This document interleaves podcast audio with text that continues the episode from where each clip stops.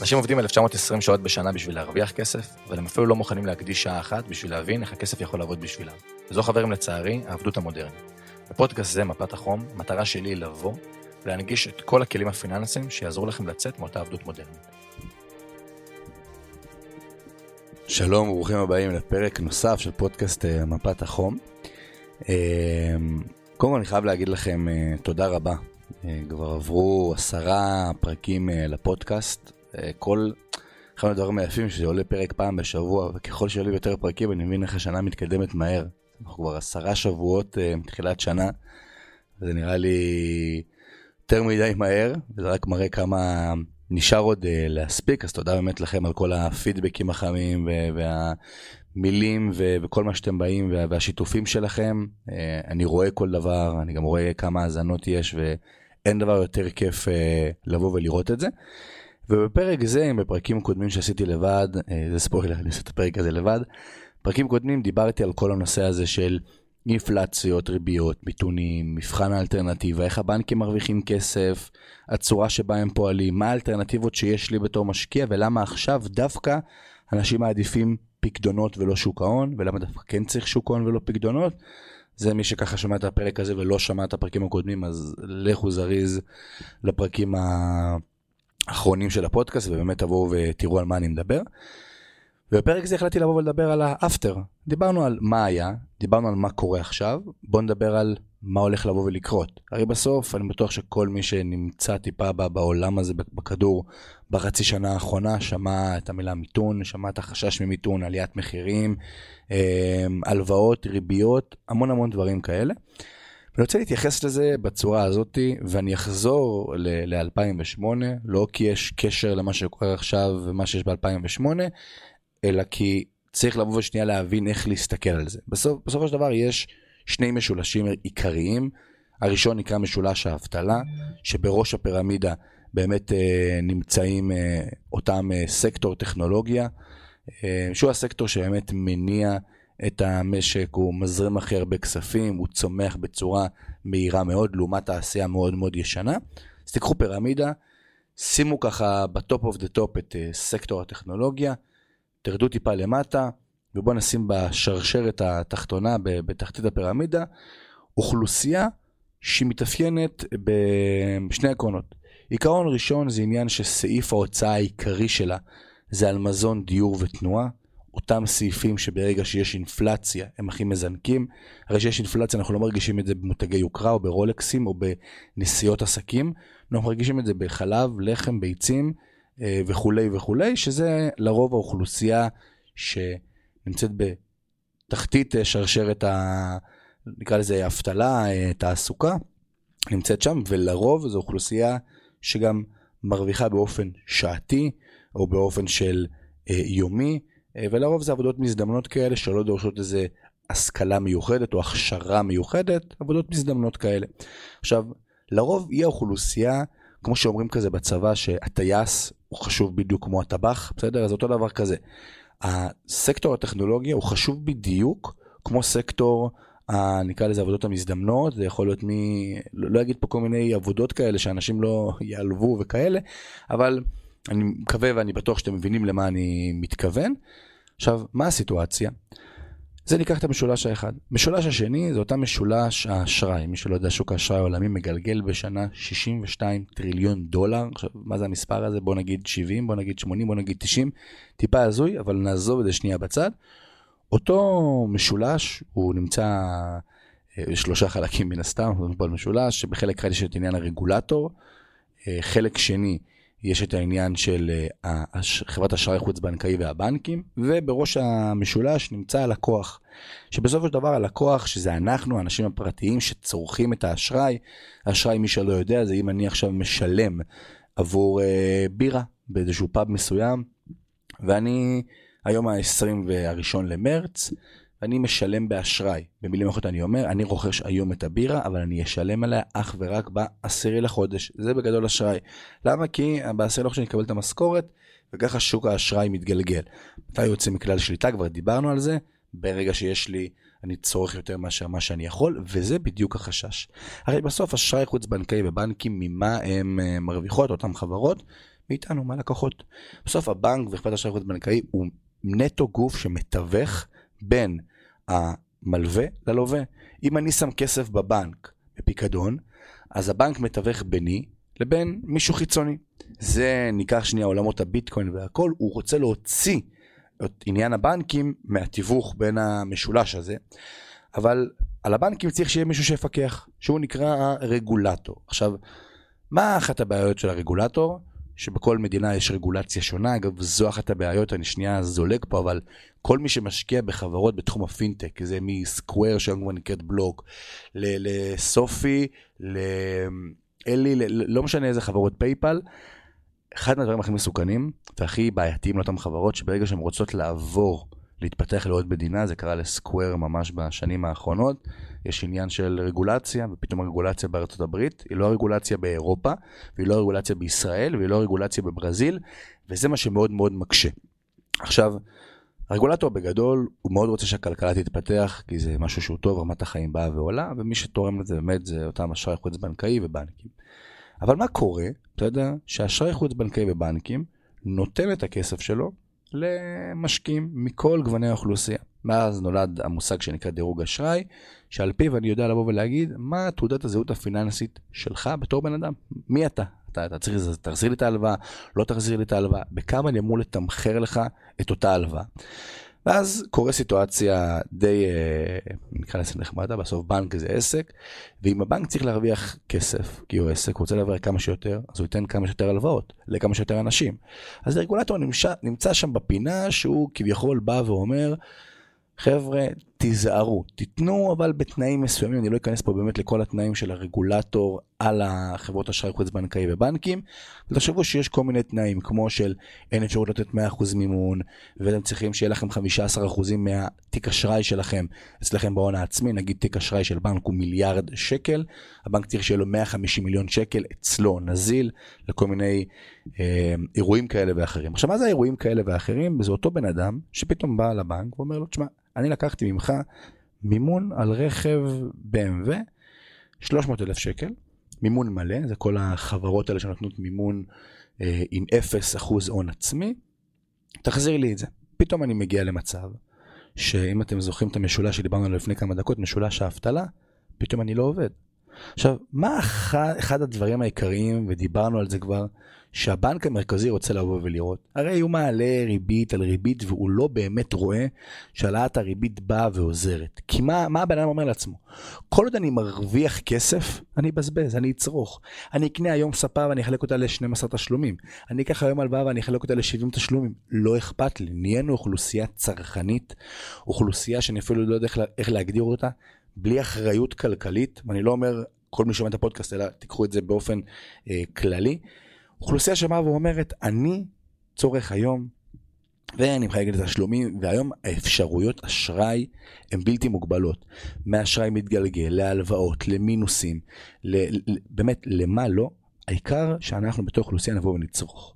עכשיו, אין לנו גם את מי לבוא ולהאשים, כי הבנק או האשראי חוץ בנקאי זה העסק שלו, שנצרוך כמה שיותר, שניקח כמה הלוואות. מה הסיכון שלו? אנחנו נקשר את זה מיד לכל תחום הנדל"ן פה בארץ. מה הסיכון שלו? שאותו בן אדם שלקח את ההלוואה, יבוא ויגיד, אח שלי היקר, בנק יקר, אין לי איך להחזיר את הכסף. אין לי, זהו, פוטרתי מהעבודה, אין לי איך לבוא ולהחזיר לך את הכסף. עכשיו, לרוב מה בנק בא ואומר שהוא עושה? הוא אומר, טוב, אז אני אשעבד את הבית, אני אשעבד את הרכב, אני אקח אותו ואני אתן אותו למישהו אחר. אבל מה קורה שכל העולם נמצא במיתון, אנשים כבר לא עובדים, יש פיטורים נרחבים, כי אותו דבר שבנק מרכזי רוצה לבוא ולראות, זה לא העלאת ריבית, זה פיטורים. כי כמו שאמרתי, כל עוד לאנשים יש אפשרויות אשראי, אנשים יצרכו ויעשו מה שהם רוצים. אבל ברגע שאין לי, אז אני לא צורך. כי תחשבו, בן אדם מגיע לסופר והוא יודע שהוא נמצא בחריגה, אבל הוא אומר, אין בעיה, אני אחלק את הקנייה בשופרסל לשני תשלומים, הכל טוב ויפה. כי חודש הבא אני גם אעבוד ואני אגלגל את זה הלאה. מה קורה שהוא לא עובד?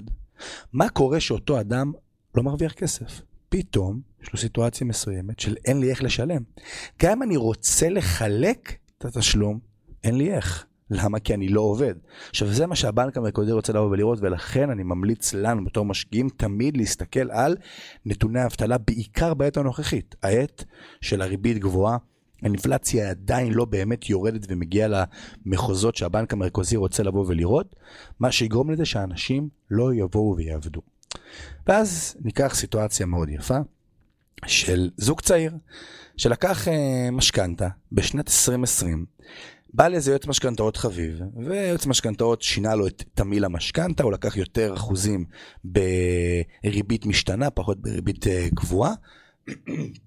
כמו שאתם רואים, אני כבר צרוד שני, אה, שני פודקאסטים, ולזה השאול הזה, אל תיבהלו.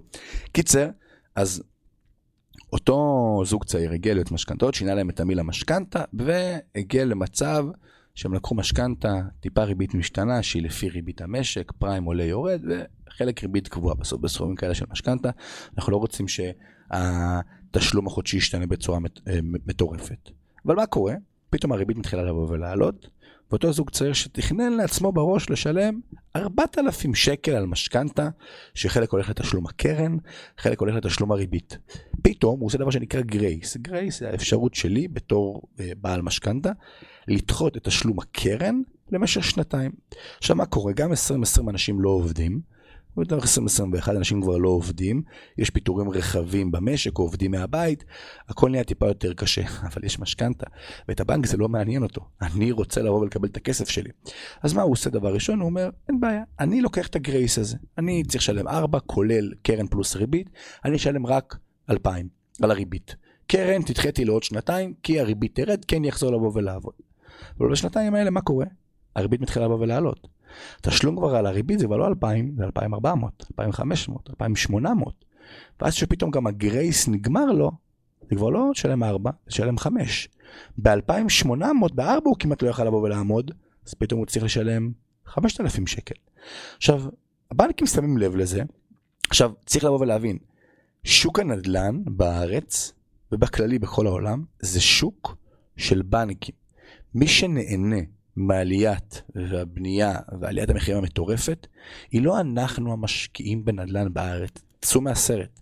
זה הבנקים, זה בעלי החוב, אותם בנקים שמוכרים משכנתאות בריבית אסטרונומית ויש לו, תחשבו, ריטיינר קבוע כל חודש למשך 30 שנה מאיזה 4, 3 מיליון אנשים פה בארץ. בכללי אני לא מדבר שנייה על העולם, אבל ספציפית פה בארץ.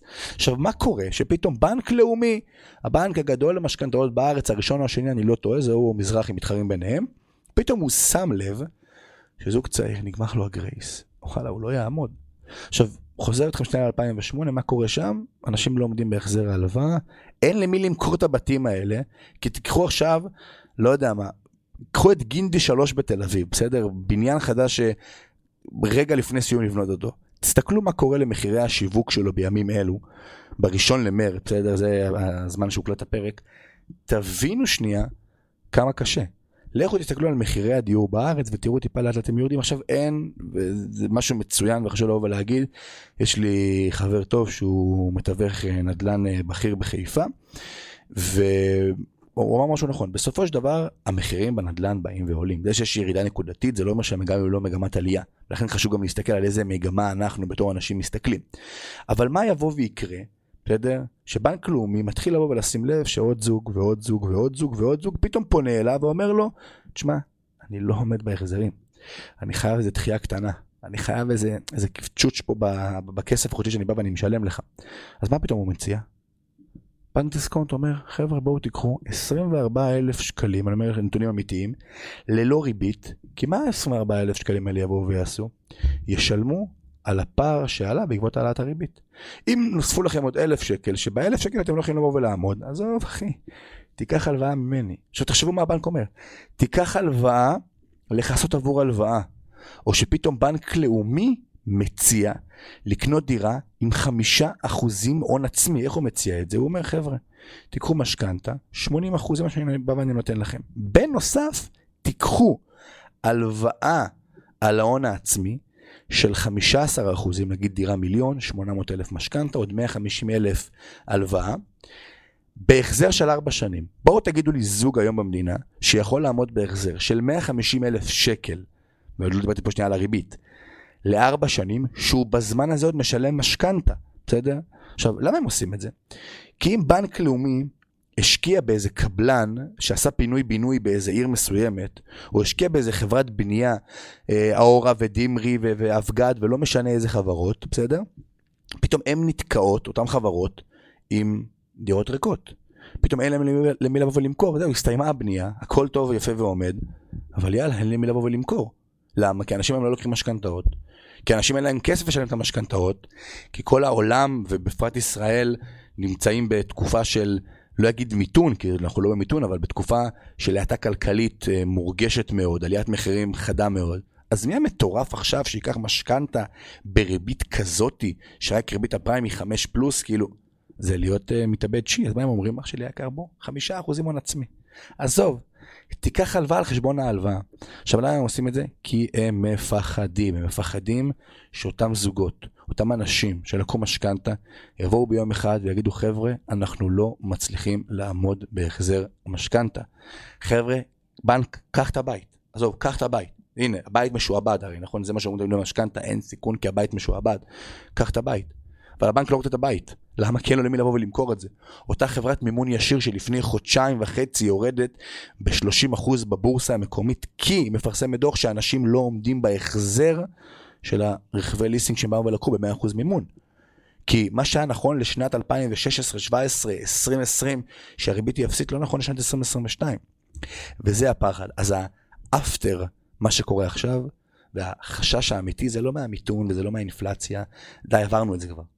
העולם מתרגל לחיות באינפלציה, אני חושב שאנשים מבינים שאנחנו לא נחזור לסביבת ריבית אפסית, לפחות בארבע, חמש שנים הקרובות, זה לא יבוא ויקרה. מי שהשקיע והיה בעשור האחרון, 2010-2018, נהנה מאוד מאוד מאוד מכסף באמת זול, הרבה הייתה אפסית. אה, זה לא יקרה, וגם לא רק שזה לא יקרה, גם עניין נוסף, אנשים התחילו מבינים שאינפלציה כבר זה מילה שהיא לא גסה, בסדר? זה כבר קיים אצלנו והכל.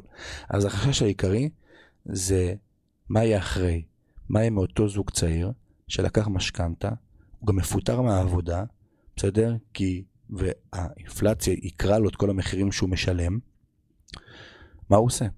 הוא ממשיך לשלם את המשכנתה, הוא פורס לי יותר שנים. אז בהתחלה עושים כל מיני קומבינות, אני קורא לזה לשים פלסטרים, מבינים שצריך לעשות ניתוח עמוק. אבל שמים פלסטר, כמו תיקח הלוואה על ההלוואה, תפרוס את הגרייס שלך, אה, תפרוס את זה לא ל-30 שנה, ל-35 שנים, הקפאת המשכנתאות למשך שנתיים, שזה אומר שהבנק אומר, אה, בשנתיים הקרובות אל תשלם לי את המשכנתה, הכל טוב, כאילו, סופג את זה. עכשיו, למה פתאום הבנק כל כך נדיב, ובואו תעשו, אותו דבר כמו הבנק, פתאום הוא מביא ריביות על הפקדונות והכל?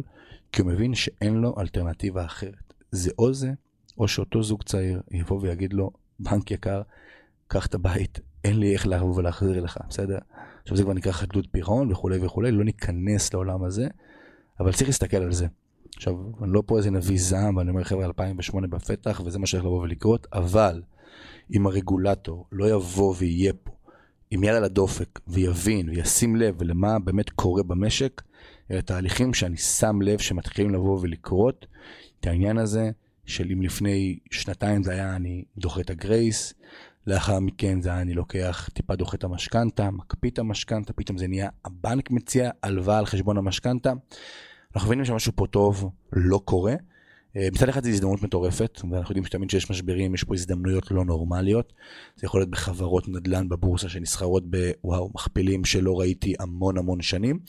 זה יכול להיות במישהו ששוכר פתאום משרד כמוני, שהצליח להוזיל את המחיר ב-30% מכמה שרצה בעל הנכס במחיר המקורי. או מי שעכשיו עובר לגור בדירה מסוימת, כי תחשבו מה עובר לאותו בן אדם, ובעיקר אגב, לא אגיד לכו או לא לכו, אבל שימו לב ליזמים פרטיים. יזם שהוא לא פרטי, שהוא גוף גדול, יש לו המון המון יכולת ספיגה, בסדר? בשנה גם הוא יכול לא להכניס שקל והכל יהיה בסדר איתו. גופים קטנים, ואנחנו רואים את זה בעיקר בחברות הבנייה. כמו שאמרתי בעבר, יש לי שני סקטורים, יש את סקטור הבנייה וסקטור הנדל"ן, שני מדדים שונים, נדל"ן זה יותר מיליסטרון, אלוני חץ, עזריאלי קבוצה, חברות שמתעסקות יותר בעניין של השכרת משרדים, חניונים, קניונים, יותר דיבידנד, פחות סיכון גבוה, אה, גם שווי שוק הרבה יותר רחב, לעומת זה כל הסקטור של הבנייה, זה כל החברות החדשות, האור הדמרי, אבגד, אה, לא יודע, שיכון ובינוי, אה, קרסון נדל"ן, כל אלה, שהן חברות עם מינופים מאוד מאוד גבוהים, חברות בנייה התחדשות עירונית די צעירות. שם צריך לבוא ולשים לב מה ההזדמנויות שבאות וקיימות לי. אז זה ככה בתחום האפטר, אפטר מיתון, אפטר האטה כלכלית. הנדל"ן פה כסמן ימני של מה שהולך לבוא ולקרות, ולמה עדיף אה, שוק ההון ולא פקדונות גם בתקופה הנוכחית. עכשיו, מי שלא יודע ומי שלא עוקב, אני לפני שבוע הייתי ב... הלכתי לראות אה, נכס להשקעה בבוקרשט, הרבה אנשים אמרו לי, מה גיא, התחלת להיחשף לנדל"ן, מה פתאום קורה, איך קורה? נטו מסיבה של גיוון הפורטפוליו שלי, לבוא ולראות עוד אפיקי השקעה. אני אולי אדבר על זה באחד מהפודקאסטים, אבל יש לי ניסיון מאוד מאוד לא טוב עם נכסים אלטרנטיביים, באיזה נכס דיגיטלי שקניתי דרך חברת ניהול, שלימים התפרקה, אני ניצלתי ברגע, אה, הפסדתי סכום של איזה עשרת אלפים שקל, אבל הייתי יכול גם להפסיד 80 אה, ו-90 ויותר. אה, אז אני מאוד נזהר, בסדר? שוק ההון זה המקום הנוח והטוב שלי, אבל מאוד נזהר מנכסים אחרים, בעיקר התחום האלטרנטיבי. תחום האלטרנטיבי זה תחום של כל מה שלא מושקע בשוק ההון, קריפטו, נכסים דיגיטליים, נדל"ן בחו"ל וכולי. עכשיו, מה הסיכון? שקודם כל, אין לנו באמת הרבה מידע על אותו תחום, בסדר? הרמת פוטנציאל מטורפת, יחד עם הפוטנציאל מגיע הסיכון. עכשיו, מה מפריע לי הרבה פעמים בנכסים אלטרנטיביים ובעיקר בנדל"ן אלטרנטיבי, של נדל"ן בחו"ל כאילו? תשואה מובטחת. המילה תשואה מובטחת. בסדר? לא יודע מי ראה או לא מי ראה את הסרט שבנטפליקס של ברני מיידוף, שמה שהוא הבטיח שם זה אותה תשואה מובטחת, בסדר? אין מילה כזאת, אין דבר כזה. גם אחוז אחד, אף בן אדם בעולם לא יכול לבוא ולחתום לך על זה כאילו פר אקסלנס. למה? כי יש המון שינויים. אף אחד לא יודע מה יהיה מחר. אף אחד לא יודע מה יהיה עוד יומיים. אף אחד לא חזה את הקורונה, ואף אחד לא חזה עוד המון המון דברים אחרים. אז המילה תשואה מובטחת, רק אני שומע את זה, אני מקבל צמרמורת ואני כאילו, תמיד כשאני רואה בחדשות חבר'ה, שמתראיינים באיזה חשיפה עם חיים אתגר שעקצו אותם, והם אמרו, אה, הבטיחו לי תשואה מובטחת. אני כאילו, אח שלי היקר, איך? איך האמנת לזה? איך? כאילו, איך? מה, מה קורה? מה, מה, מה בלוגיקה של ההבנה של אין דבר כזה תשואה מובטחת? ואחרי שהעליתי לאינסטגרם את אותו... סיפור בבוקרסט ואני אספר מה אני חושב על דעתי על העסקה שם. שאמרו לי, הבטיחו לי 12% באתונה. מישהו אמר, יש לי איזה חברה שמבטיחה גם אה, תשואה מובטחת. אני אומר לו, אח שלי יקר, רק על זה שאמרת לי, מבטיחה תשואה מובטחת, עזוב, לא רוצה לבוא ולשמוע. זה לא מעניין אותי, כי אין דבר כזה. עכשיו, מה היה לי שם אה, מאוד מאוד מעניין? קודם כל שאין בכלל תשואה מובטחת, אפילו לא דיברו איתי מהיום הראשון. אמרו לי ישר את הסיכונים האפשריים, את הסכנות. בהתחלה יותר דיברו איתי על הסכנות ועל מה יכול להשתבש מאשר מה שאני יכול לבוא ולהרוויח. המספרים שם נשמעים מאוד מאוד טוב, לא ברמה של חלום, אלא ברמה של מסתדר באמת עם מה שאתה שם לב. כן צריך לבוא ולהגיד, מזרח אירופה, אני לא יודע מי היה בבוקרסט לאחרונה, אבל נראה כמו, כאילו רוסיה פלשה לשם לפני שבוע והשאירה את זה איזי, זה נראה על הפנים, חוץ מהרדיסון בלו, איפה שכל הישראלים מהמרים, הכל נראה לא טוב שם. אמ, ומזרח אירופה, הם לא אימצו את מטבע היורו, משהו מאוד מאוד פוגע בהם בלקבל תקציבים מהאיחוד האירופאי, דמוגרפיה אה, לא בשמיים, אה, אבל בסדר, זה חלק מהסיכונים שצריך לבוא ולשים לב אליהם. אה, אבל בצורה מובטחת, אני אספר לכם סיפור שפעם לקוח סיפר לי על איזה נכס שהיה לו בקוסטה ריקה, שבאו והציעו לו. עכשיו, הנכס יציעו לו איזה 50 אלף דולר לקניית קרקע שם, ויבנו לו על הקרקע והוא יקבל שנתיים שכירות. עכשיו, אם אתם שומעים פעם שמישהו אומר לכם, אני מבטיח לך לקבל שנתיים שכירות בוודאות, תבינו שאת השנתיים שכירות הוא משלם לכם מתוך הסכום ששילמתם לו. מה הכוונה? נגיד אני משקיע 50 אלף דולר על קרקע בקוסטה ריקה, שהקרקע עולה 15 אלף שקלים, זה מספרים אמיתיים. נשארו 35 אלף שקלים, שאיתם נגיד בונים את הבית, 10,000 דולר בונים שם בית, כן, זה בערך הסכומים. נשאר לי עוד 25 אלף דולרים. אומרים לי, גיא, כל חודש תקבל 500-300 דולר באופן חודשי, למשך שנתיים. עכשיו, כמו שאתם שמים לב, נשאר שם עוד סכום של איזה 15 אלף דולרים. מאיפה אתם חושבים שהם באמת באים ומביאים את הסכום שהם נותנים לי? מאותו 15 אלף דולרים, מעבר לקופון שהם באו וגזרו. אז תמיד כשמישהו אומר לך, אני משלם לכם את השכירות דרך הזה, תבינו שהוא משלם לכם מהכסף שבאתם ושילמתם לו, וזה באמת, אה, אין דבר כזה תוצאה מובטחת בהשקעות, צאו מהסרט, קיצר, זה הבטם ליין שלי. עוד איזה שלושה נושאים שאני רוצה לדבר עליהם אה, בפודקאסט הזה, זה עניין של אה, בונוס, אני קורא לזה לעצמאים, ככה ספוילר באמצע הפודקאסט, חבר'ה, תשימו לב. לא יודע מי יודע, אבל עצמאים, עוסק פטור, עוסק מורשה, חברה באה, שלוקחת הלוואה לחשבון העסק, הריבית על ההלוואה היא מוכרת כהוצאה של העסק. לקחתי הלוואה על סך 100,000 שקל, עם 8% ריבית. ה-8,000 שקל של הריבית היא הוצאה מוכרת לא במע"מ, אבל הוצאה מוכרת של העסק. אז מי שלא יודע את זה, תהנו, ולא אגיד קחו הלוואות, אבל תדעו את זה, כי ידע לזה כוח. אמ, שאל שאלה כזאתי, שאל לי את זה באינסטנט לפני איזה חצי שנה, אבל אני רוצה לראות את זה שוב פעם פה, וגם לתת את ההסבר שלי. מה עדיף? מה אתם הייתם מעדיפים? 1,500 שקל עכשיו, ממש מיידי, בסיום הפודקאסט, מישהו מגיע אליכם עם מזוודה, נותן לכם 1,500 שקל, או, שאתם לא צריכים לתת את 1,500 שקל האלה, אגב, שלכם מתנה, או שתיקחו 30,000 שקל, אותו בחור מביא לכם או 1,500 שקל עכשיו, או 30,000 שקל, אבל אתם צריכים להחזיר את זה, בסדר? במשך שלוש שנים, ללא ריבית. לקחתם 30, תחזירו 30, או 15 או 1,500 שקל עכשיו. מה הייתם מעדיפים? רוב האנשים אומרים, תשמע, 30 אלף שקל אני צריך לבוא ולהחזיר אותם, נכון? 1,500 שקל אני לא צריך לבוא ולהחזיר אותם, אז ברור ש-1,500 שקל. ואז אני אומר, שנייה, בוא נסתכל על זה ברמה ההשקעתית. זה אומר שאני צריך לבוא ולבצע, אם אני מסתכל על זה, באזור ה-5 אחוזים, נכון? 30 אלף שקל, 10 אחוזים זה 3,000, טיפה נוריד, 5 אחוזים אני צריך לבוא ולעשות במשך 3 שנים, על מנת לבוא ולהיות בברייק איבן.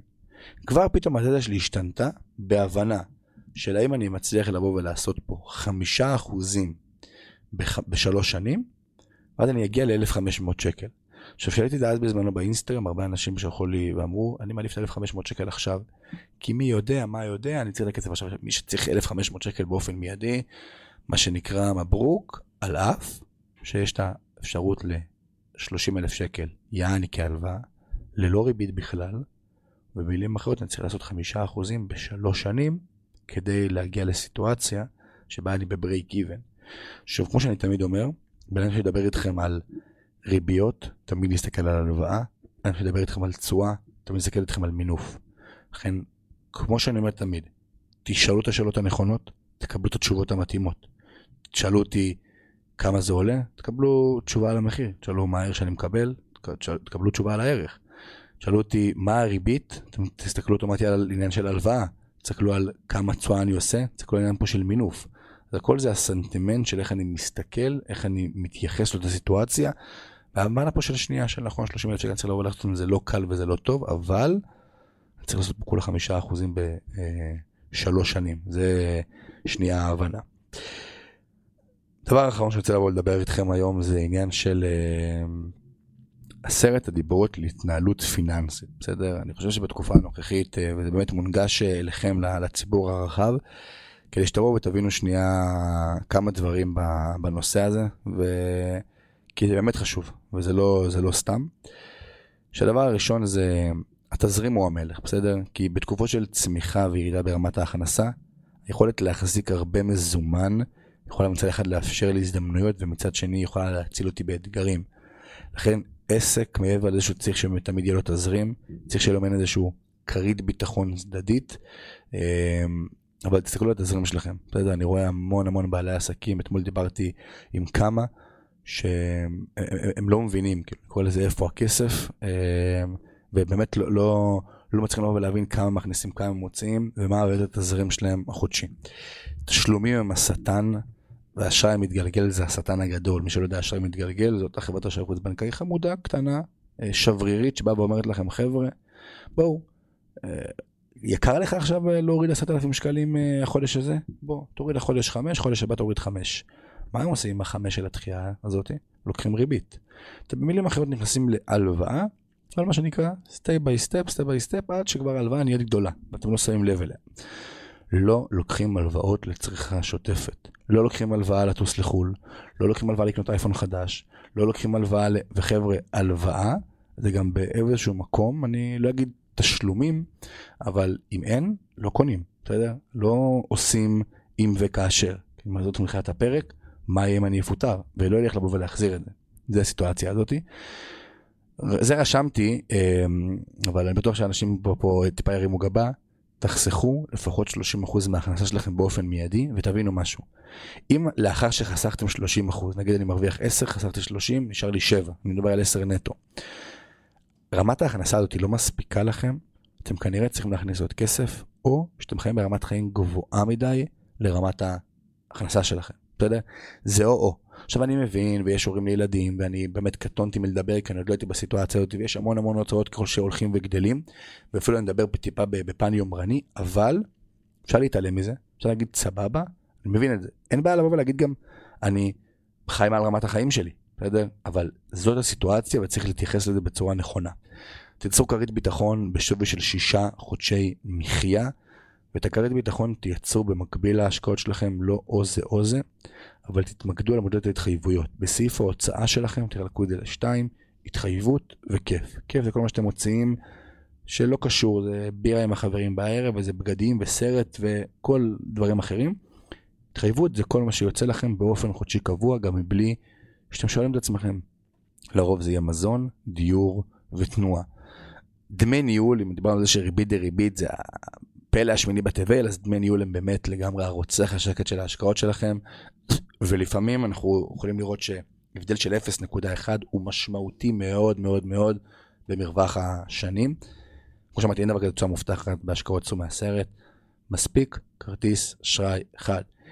אם למישהו שיש כמה כרטיסי אשראי, זה במילים אחרות אומר שכנראה המסגרת שלו לא מספיקה לו והוא צורך יותר מאשר מה שהחברת אשראי חושבת שהוא יכול לבוא ולצרוך. אז תשימו לב לדבר הזה. אם אתם לוקחים הלוואה, אז בבקשה שתהיה כנגד קופת הגמל להשקעה, כנגד הקרן השתלמות, כנגד הפוליסת חיסכון, ולא מאיזה בנק או אשראי חוץ בנקאי, וכן הלאה. ואם אין לכם את אחד ממה שהמוצרים שדיברתי עכשיו, תייצרו אחד כזה, ועדיף אתמול. ודבר אחרון, אל תחכו לזמן טוב להשקיע, תתחילו להשקיע, ואז תחכו.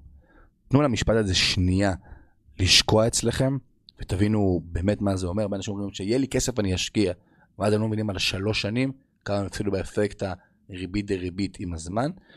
וחבר'ה, כסף זה בסך הכל האמצעי, תפסיקו לפחד ממנו. כסף הוא אף פעם לא המטרה, היכול שלי מטרה שאני רוצה להיות שלב ובטוח, כסף הוא מה שיעניק לי את זה. כסף אבל הוא אף פעם לא המטרה העילאית.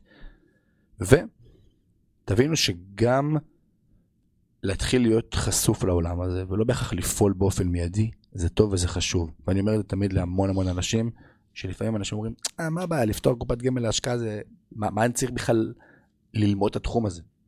אז זה בדיוק הדבר הזה. תעשו כסף בקופת גמל להשקעה.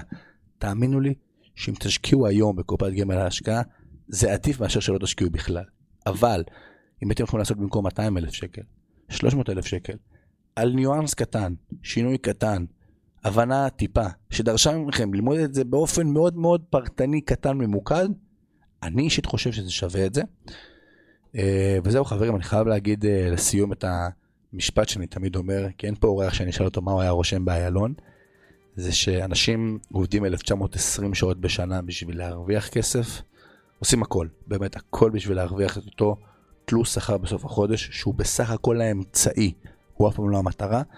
אנשים לא מבינים איך אותו אמצעי, אותו משאב, יכול לעבוד בשבילנו. אמ, אז ניפגש פה שבוע הבא, אותו עם אותה שעה, היה לי כיף בטירוף גם היום איתכם, ושיהיה לכם המשך אה, שבוע מקסים.